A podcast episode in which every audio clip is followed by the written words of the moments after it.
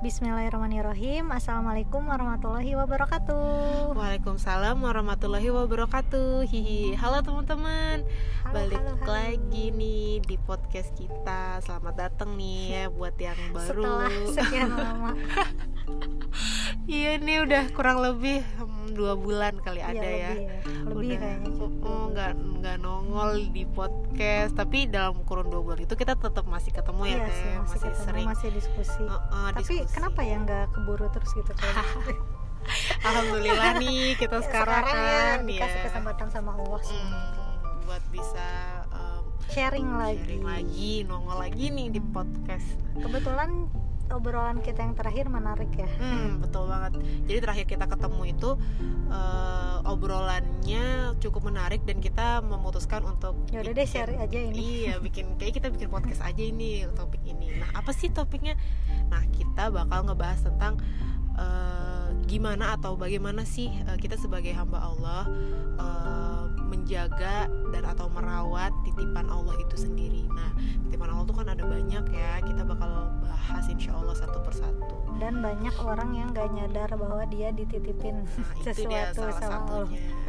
Jadi sebelum berangkat ke pertanyaan bagaimana cara menitip eh cara menjaga titipan Allah, eh, di situ ada pertanyaan lagi gitu sebelumnya teh. Orang sadar nggak bahwa dirinya itu dititipi oleh Allah gitu.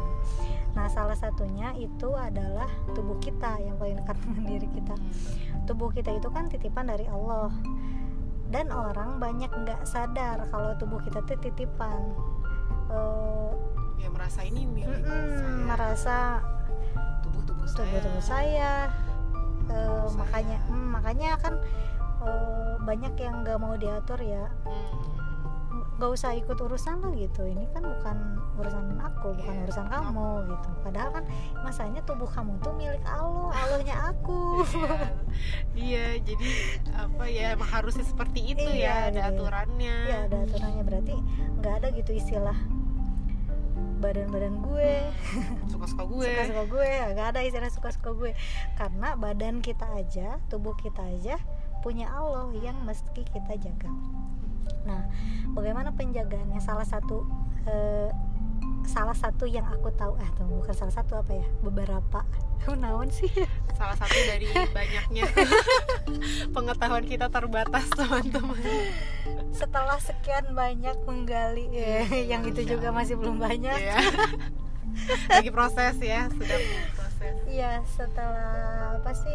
Ya tahu gitu bahwa tubuh kita yang titipan eh, aku jadi apa ya jadi Menyadari. sadar mm-mm, jadi sadar oh iya ya gitu berarti nggak bisa seenaknya memperlakukan tubuh kita itu gitu salah satu contohnya makanan yang masuk ke tubuh kita nah tubuh kita itu kan titipan ya dari Allah mau bagian dalam mau bagian luar Hmm. ya pokoknya mau bagian organ kayak jantung, lambung gitu ya, usus, eh, mulut, gigi gitu ya, ya. atau eh, kulit gitu ya, eh, bagian luar tubuh kita gitu. Itu kan semua titipan yang harus dirawat dengan baik.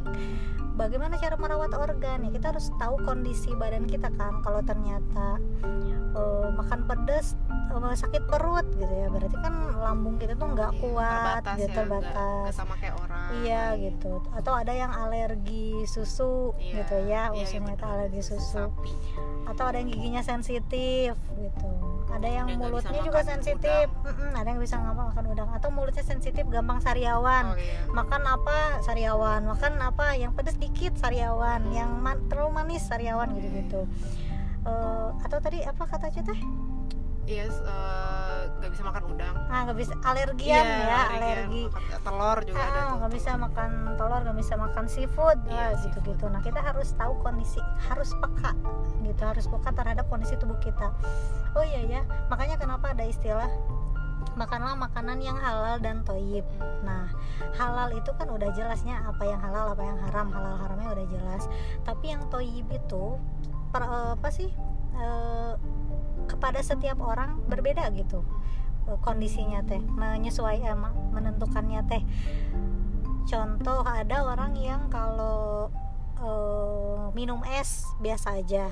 Ada yang sampai sakit kan Ngilu. gigi ngilu gigi sensitif. Oh berarti dia sensitif kan. Atau ada yang makan minum jeruk langsung mahnya kambuh.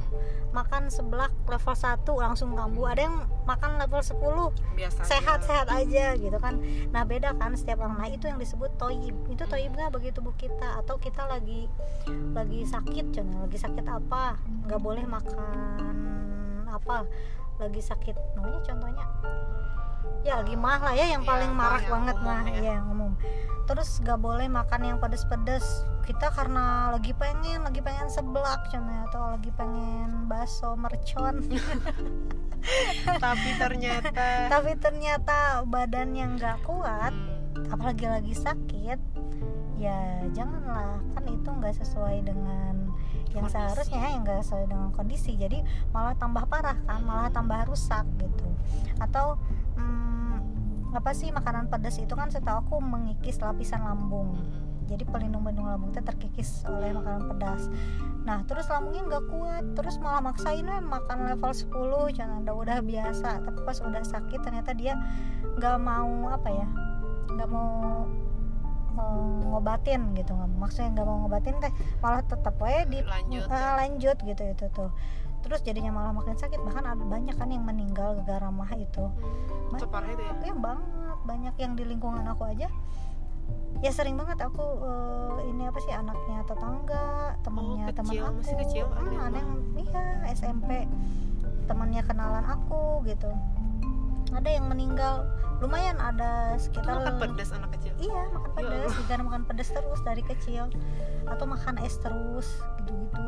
Terus-terusan dari sehari itu bahkan mau kayak doyan gitu ya. Doyan. Alhamdulillah. Alhamdulillah udah aja lanjut ya tadi ke potong azan. Tadi sampai di eh, mah tadi ya. Anak kecil Oh ada iya, yang mah. kecil. Ah, nah banyak banyak bukan banyak anak kecil sih ya banyak. Ada beberapa contoh orang yang meninggal karena lalai eh, tadi ya. oh, lalai dalam penjagaannya salah satunya teh itu gitu. Ya banyak juga sih yang nggak meninggal. Maksudnya Iya, itu mah eh, ya ada lah aja. gitu ya. Ada kita apa sih ambil eh, bukan contoh ya ya contoh kasus lah Hmm. ada ternyata gitu yang karena kelalaian dalam penjagaan jadinya organnya rusak dan menyebabkan kematian. Hmm, nah gimana cara merawat eh, organ bagian dalam gitu ya kita? Ya minimal minimal kita tahulah kondisi kita kayak gimana. Kita kuat gak makan pedas? Eh, atau kita eh, oh ini makanan yang mau kita makan bernutrisi nggak buat tubuh kita kayak kalau makan itu kan jangan langsung minum. Hmm, kalau makan itu kan harus dikunyah 32 kali sampai Iya. mm-mm, sampai bubuk lah ya gitu sampai hancur. Ha- harus sampai hancur sampai eh, kalau udah beres makan tunggu dulu minimal 30 menit baru bisa minum. Nah itu kan salah satu cara untuk menjaga tubuh kita Eh, Dan atau banyak lagi ya, ya banyak. lain. itu salah satunya ya. Atau contohnya apa ya? Eh, kalau yang ternyata alergi ya hindari makan makan yang belara- ber- eh, yang menyebabkan alergi. Banyak makan buah banyak makan makanan yang bernutrisi untuk tubuh kita. Jangan makan makanan yang mengandung banyak pengawet. Nah itu kan pokoknya kita harus harus tahu sih tentang kesehatan gitu. Orang yang mempelajari kesehatan teh justru bukan orang kesehatan aja harusnya semua orang. Karena semua orang harus sehat. Karena semua orang dititipi Bukan eh, hanya eh, dokter-dokter bukan, aja. bukan dokter yang dititipin badan sama Allah kan Iya. semua orang gitu termasuk kita jadi kita harus tahu bahkan harus tahu kondisi sensitif tubuh kita itu kayak gimana sehingga kita bisa memperlakukan dengan baik gitu berarti ini ada yang aku tangkap sih eh, kita sebagai muslim tuh berarti makan eh, itu bukan karena kita pengen makan ya maksudnya niatnya lebih ke yo ini yang dalam rangka menjaga titipan Allah berarti kita iya kan karena kalau lapar hmm, Mm-mm. kita harus dikasih makan kan Mm-mm. buat dapat energi gitu. iya, Mm, terus selain organ dalam juga yang bagian luar juga harus kita jaga. Contohnya kulit kita gitu. Kulit badan kulit wajah gitu harus kita jaga.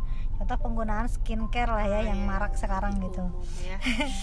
skincare Apalagi itu nggak haram sebenarnya. Iya.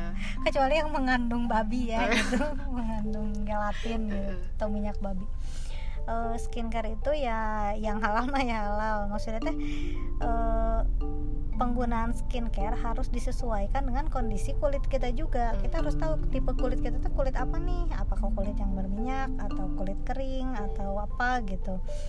Eh, terus pakai eh, perawatan-perawatan yang sesuai dengan kulit kita. Jangan sampai ngikutin tren gitu.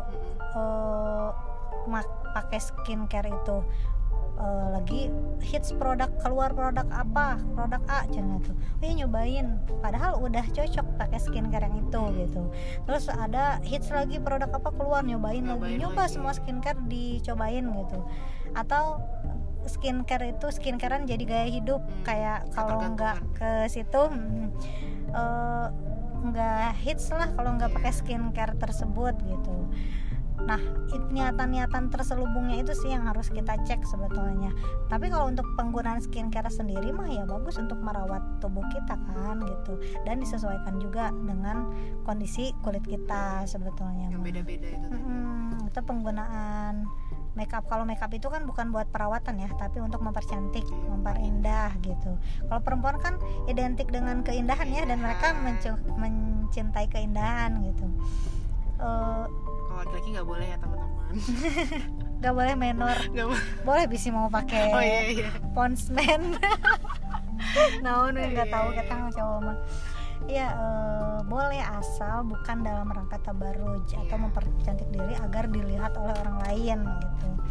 Tapi emang untuk memperindah kita aja dan meninggikan apa ya ya nama seorang muslimah bahwa muslimah itu nggak kucel muslimah itu cantik gitu. Terus nggak terbelakang juga ng- mengetahui gitu kondisi terkini tentang skincare dan lain-lain. Tapi penggunaannya tetap harus baik gitu sih.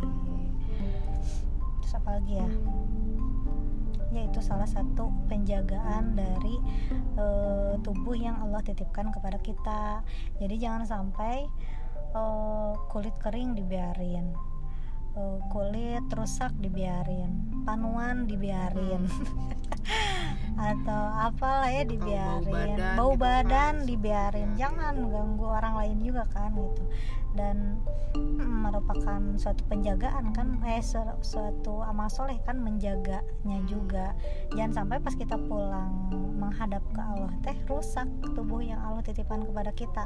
Baik bagian dalam baik luar gitu sih. Berarti itu ya nanti eh, yang bakal dihisap itu tadi ya iya nah iya bener. Tubuh kita juga kan karena titipan pasti bakal ditanya kan Iya. dipakai buat apa? Makanya tangan berbicara kaki berbicara dipakainya buat apa sih ada kayak gitu.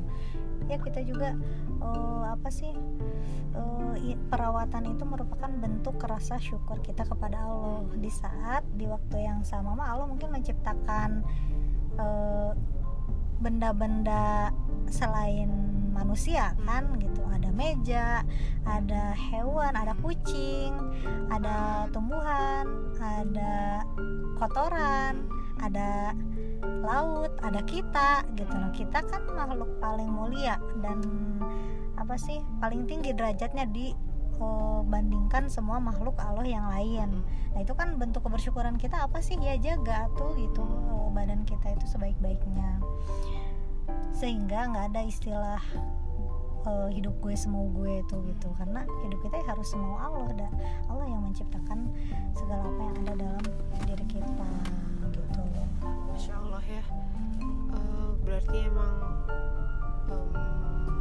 ya kita nggak boleh lalai gitu. Karena hal-hal ini tuh sebenarnya yang dasar gitu ya. Dasar banget saking eh, saking dasarnya tuh orang nggak pernah concern di bagian ini hal-hal kayak gini. Terus banyak juga kan stigma-stigma yang kayak oh, boleh nggak sih pakai skincare? Hukumnya gimana? Gitu-gitu kan. Oh ternyata terjawab bahwa skincare itu ya bagian dari perawatan. perawatan dan Hmm. bentuk syukur itu tadi. Maksudnya nggak se-strict yang kayak ini kita boleh atau enggak sih muslimah? Kayak gitu.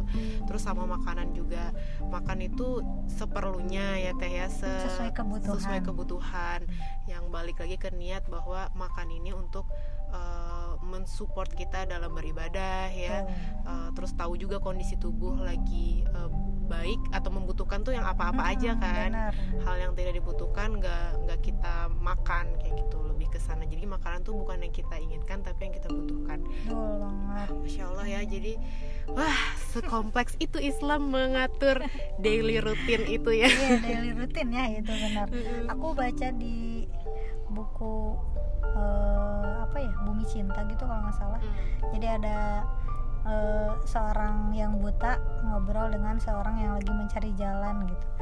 Nah di situ uh, dari sekian cerita yang banyak itu ya aku cuma nangkep cerita ini ya di buku.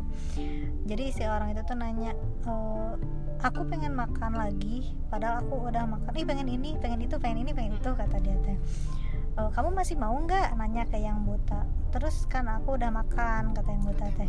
Ya tapi aku pengen ini pengen ini pengen ini kata dia teh. Terus dia ngomong sesungguhnya lapar itu adalah penyakit dan makan adalah obatnya.